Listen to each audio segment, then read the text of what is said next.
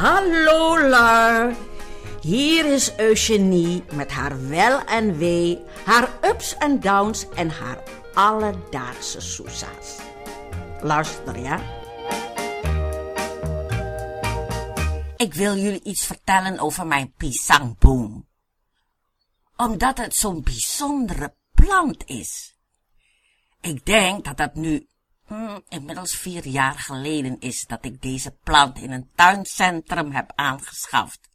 En waarom val ik nou op deze boom? Omdat die zoveel nostalgie bij mij oproept. Wij hadden in Indonesië op het erf zo'n pisangboom staan.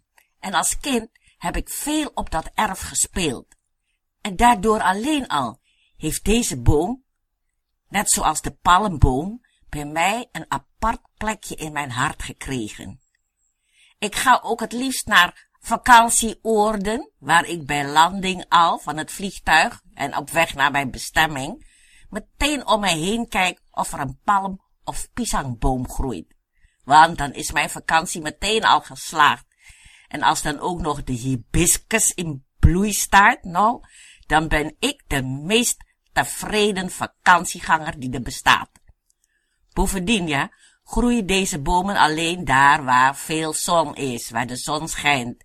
En die zoek ik dan ook altijd op, omdat ik dat als mijn grote vriend beschouw. Goed. De bananenboom heeft bij mij in mijn huis een goed plekje gekregen.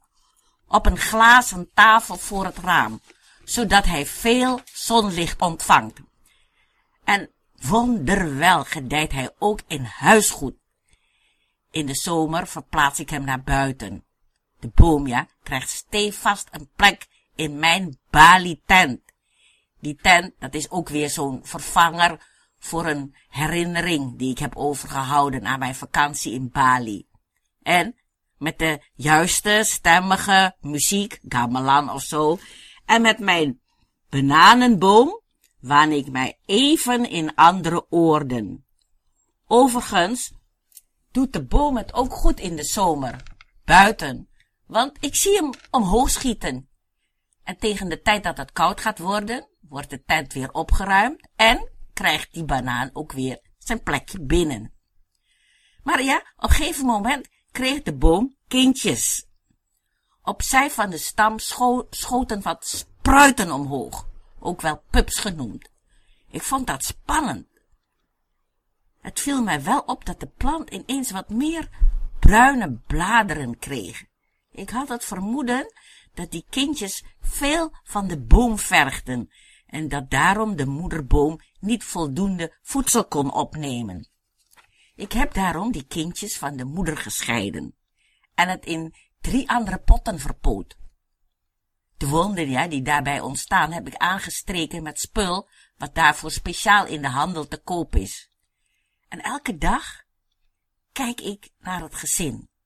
En het valt mij op dat die kindjes krachtig doorgroeien, maar dat de moederboom steeds meer bruine bladeren krijgt. En dat vind ik jammer. Ik vraag mij af, wat heb ik verkeerd eraan gedaan? Was het niet goed om die kinderen van die moeder af te scheiden? Heb ik nu die moederplant naar de Filistijnen geholpen? Tot nu toe blijven die bladeren maar bruin worden. Zou er nog hoop zijn? Trekt dat allemaal nog bij? In mijn herinneringen zie ik mij nog als kind lopen daar, door de stromende regen in het land waar ik ooit werd geboren. Een vriendje had met zijn zakmes voor ons tweeën een flinke blad afgesneden, en daar liepen wij dan, terwijl we de grote pisangblad boven ons hoofd hielden en ons beschermden tegen die harde regen. Wij hielden het in ieder geval droog. En, nog zo'n herinnering, later, toen we naar Nederland moesten, ik zie mij daar nog op dat muurtje zitten voor ons huis, wachtend op de auto die ons naar Tanjung Priok zou brengen, waar de grote boot ons opwachtte die ons naar het nieuwe land zou brengen. Mijn moeder had al alles in dozen verpakt. Het huis was leeggeruimd en het duurde nogal lang voordat wij opgehaald werden. En toen ineens kreeg ik wat te eten van mijn moeder. Het was rijst met een tjeplok, een gebakken eitje. En ik kreeg het aangereikt in een pisangblad.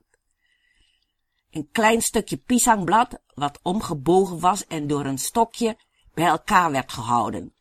En dat toen als een bordje fungeerde.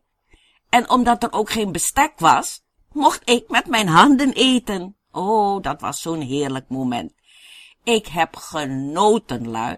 Nog nooit smaakte mij het eten zo lekker. Dit moment, ja, dit moment zal ik nooit meer vergeten. Ja, misschien is het daarom, ja, dat die pisangblad zoveel, of boom bedoel ik, zoveel betekenis heeft gekregen. Hoe dan ook, ik heb een klein stukje Indië in huis gehaald. Met de kleintjes gaat het goed. En nu maar hopen dat die oude het ook gaat redden. Misschien ja, als straks de zon weer schijnt en ik hem buiten kan plaatsen, bij mij in mijn Bali-tent. Wie weet, doen de Balinese klanken de boom ook goed. Nou, la, dit was het weer, ja, een van mijn kleine avonturen in mijn leven, waar ik jullie deelgenoot van heb gemaakt. Ik sluit mijn praatje weer af, ja? Met de hartelijke groeting van Eugenie, ja? En tot ziens, ja, lui. Tot de volgende keer. Tabé!